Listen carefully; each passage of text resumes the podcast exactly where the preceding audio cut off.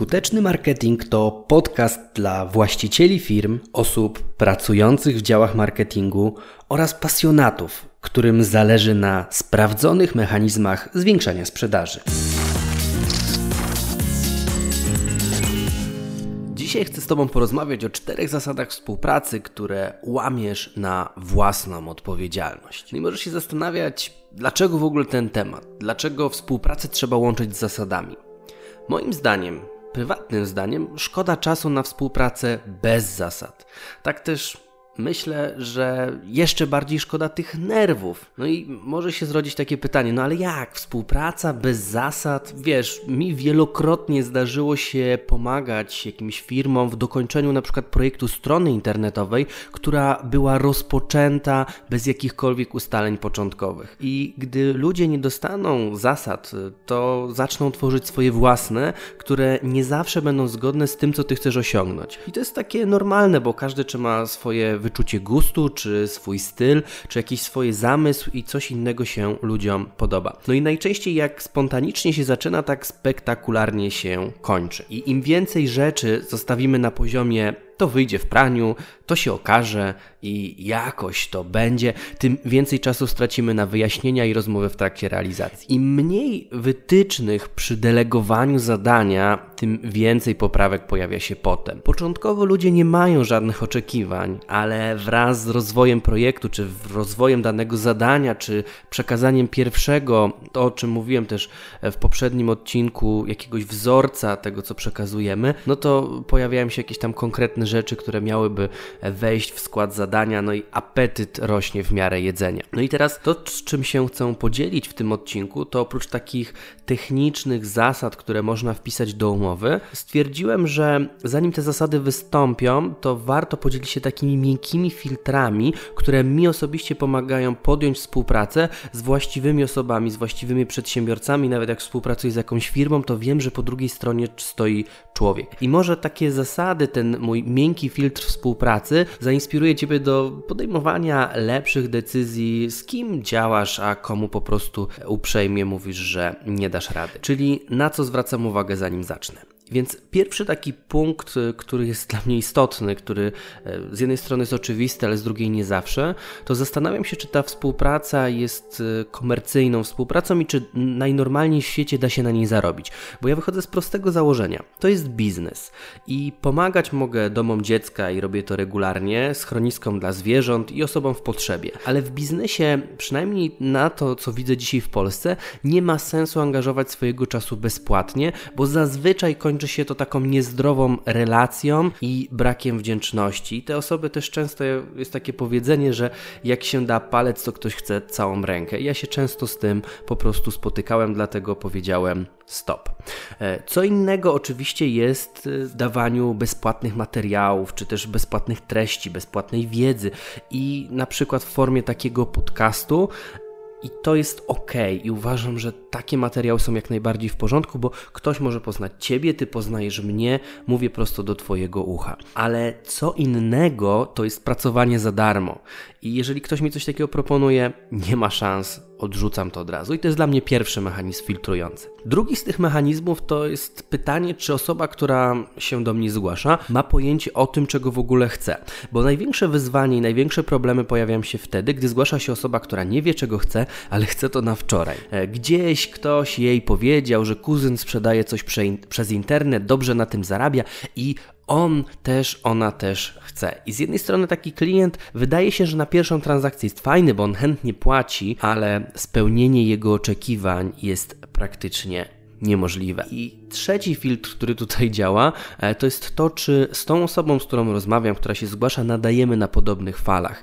Dla mnie współpraca biznesowa jest pewnego rodzaju zawarciem związku e, takiego, nie chcę powiedzieć małżeńskiego, ale takiego relacyjnego i będziemy przez kilka najbliższych miesięcy po prostu ze sobą korespondowali, rozmawiali i ten kontakt będzie dosyć intensywny. Więc jeżeli ja z kimś nie nadaję na tych samych falach, przez co rozumiem, że mamy podobne priorytety, podobne wartości, podobnymi zasadami się kierujemy, no to niestety, ale ta współpraca nie będzie się unikała, e, nie będzie się układała dobrze, albo też ja nie będę z niej zadowolony. I e, tutaj z jednej strony obserwuję, w jaki ta sposób ta osoba się wypowiada, a z drugiej strony też zdaje się na swoją intuicję. To może jest takie dziwne, że w tych swoich schematach, obliczeniach, matematycznym podejściu do biznesu e, mam też e, takie mm, zawierzenie swojej intuicji, ale ona zaskakująco rzadko wprowadza mnie w błąd. I gdy w trakcie pierwszej rozmowy słyszę, że coś wzbudza moje podejrzenia, to dalej wiem, że już będzie tylko trudniej.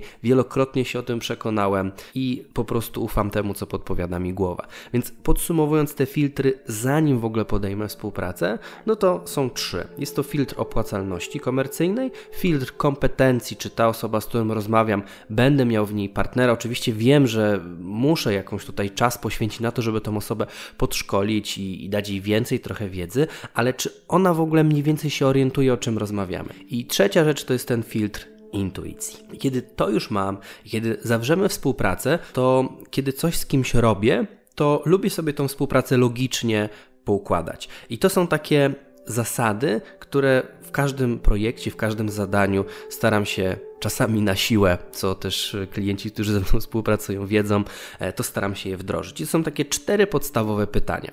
Więc pierwsze pytanie, które e, zadaję, które czasami ja po prostu, ono oczywiste jest, chociaż też nie zawsze się ono wynika z tego, jak się rozmawia, to jest to, co dokładnie ma być zrobione w ramach tego zadania, czyli jaka jest taka generyczna nazwa tego, co ma być zrobione. To jest pierwsze pytanie. Drugie to jest, jaki będzie oczekiwany rezultat i do czego zmierzamy. Jeżeli ktoś nie wie, jaki ma być rezultat, jaki jest cel danego zadania, to czasem też pomagam takim pytaniem wspomagającym, co już dzisiaj ta osoba ma i co jest w tym fajnego, co dzisiaj ma, a co ją wkurza i co chciałaby po prostu zmienić, bo często ludzie nie wiedzą do czego dążą, ale wiedzą co mają dzisiaj i wiedzą co, co chcą z tym zrobić, bo po prostu mają doświadczenie. W trzecim kroku określamy ile to będzie kosztowało, czy to wynagrodzenie mojego zespołu, czy też jakieś dodatkowe koszty, czy trzeba będzie jakąś reklamę ustalić, więc żebyśmy sobie zrobili, oszacowali budżet. I teraz najważniejsze pytanie,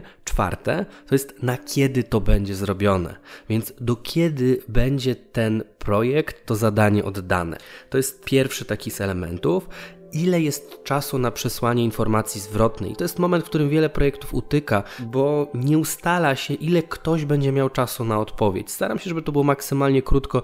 Naprawdę ta informacja wzrost, zwrotna potrafi położyć nie jeden projekt, więc ile, kiedy, do kiedy to będzie oddane, ile będzie czasu na informację zwrotną, ile jest czasu na wdrożenie tych poprawek, no bo to teraz też jest taki ping-pong się trochę zaczyna, jak każda strona załóżmy ma 5 dni, no to zaczyna się bardzo mocno wydłużać. I teraz y, kolejne z tych rzeczy to jest y, to, że deadline y, używany często w korporacjach, on ma ogromną siłę. I dlatego naprawdę warto sobie takie silne deadline bo one powodują, że projekt przyspiesza.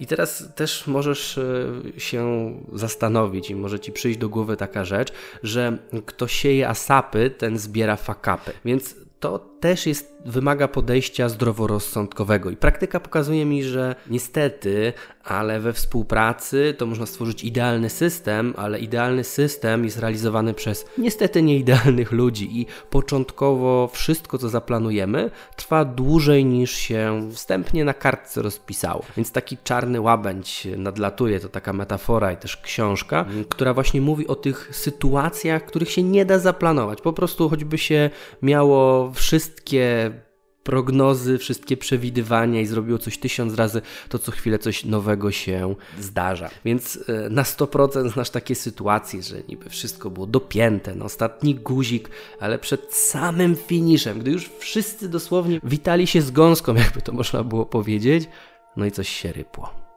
Hm? Więc im więcej doświadczeń zbieram, e, tym mniej rzeczy mnie zaskakuje, ale też nie ukrywam, że wciąż pojawiają się jakieś takie nowe kwestie, nowe niuanse, jakaś blokada na karcie, jakaś nietypowe zachowanie na stronie internetowej. Ktoś komuś coś gdzieś blokuje, jakieś dostępy są odebrane, wspólnik, współwłaściciel i jeszcze kilka innych sytuacji, na które normalnie nie ma się żadnego wpływu. No i jak się przed tym zabezpieczyć? Więc idealnie byłoby mieć na wszystko pisemną umowę. Ale wiadomo, że w trakcie stałej współpracy, no to czasami krótki e-mail też potrafi zdziałać cuda, w którym określimy, co zostanie zrobione, jak to będzie wyglądało, ile to będzie kosztowało i na kiedy będzie zrobione. Zasadniczo te cztery parametry powinny zapewnić, zabezpieczyć większość elementów. To jest y, wariant, który stosuję, staram się stosować i też uczę swoich projekt żeby w taki sposób rozmawiali z ludźmi. To daje takie solidne poczucie fundamentów i wiary, wiedzy, w którym miejscu jesteśmy i dokąd zmierzamy.